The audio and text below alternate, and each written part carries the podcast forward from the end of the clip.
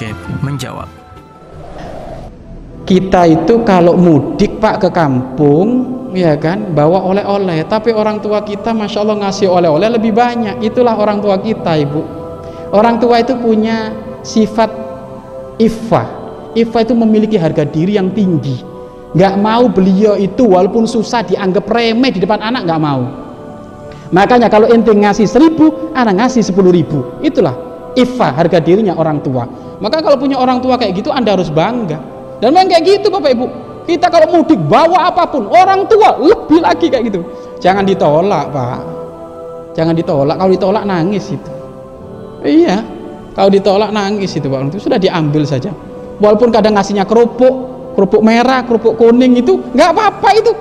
Sudah itu sudah seneng itu. Sudah seneng. Jangan ditolak, Pak. Jangan ditolak. Biarkan beliau seneng kan gitu kan. Biar beliau seneng, jangan ditolak ditolak diambil saja diambil diambil diambil. Saya yakin insya Allah beliau nggak maksa-maksa. Memang beliau sudah nyiapin. Oh itu kan setahun sekali. Karena gitu orang tua kita gitu bapak ibu. Kalau ada sesuatu kesenangan cucunya itu itu dikumpulin. Dikumpulin sama beliau. Nanti kalau pulang dikasihkan. Jangan ditolak. Diambil aja orang tua kan. Diambil. Kadang ya apa bapak ibu? Apa itu apa itu? Ketupat kan gitu kan Iya kan saya bawa ketupat dari Jawa Timur ke Cirebon, padahal Cirebon banyak. Tapi yang namanya ketupat dari orang tua, orang tua kami barokah, jangan ditolak.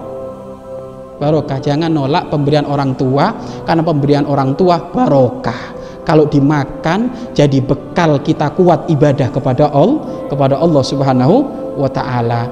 Kecuali Bapak Ibu kalau maksa-maksa sampai ngutang-ngutang anda harus pelan-pelan ngomongnya Umi Abah sudah cukup. Kalau yang terbukti ngutang-ngutang jangan langsung ditolak gitu.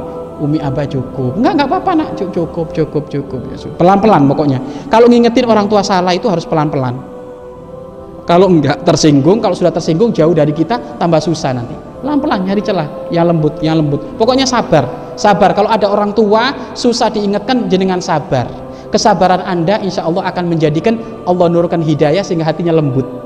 Sabar sabar. Wallahu a'lam bisawab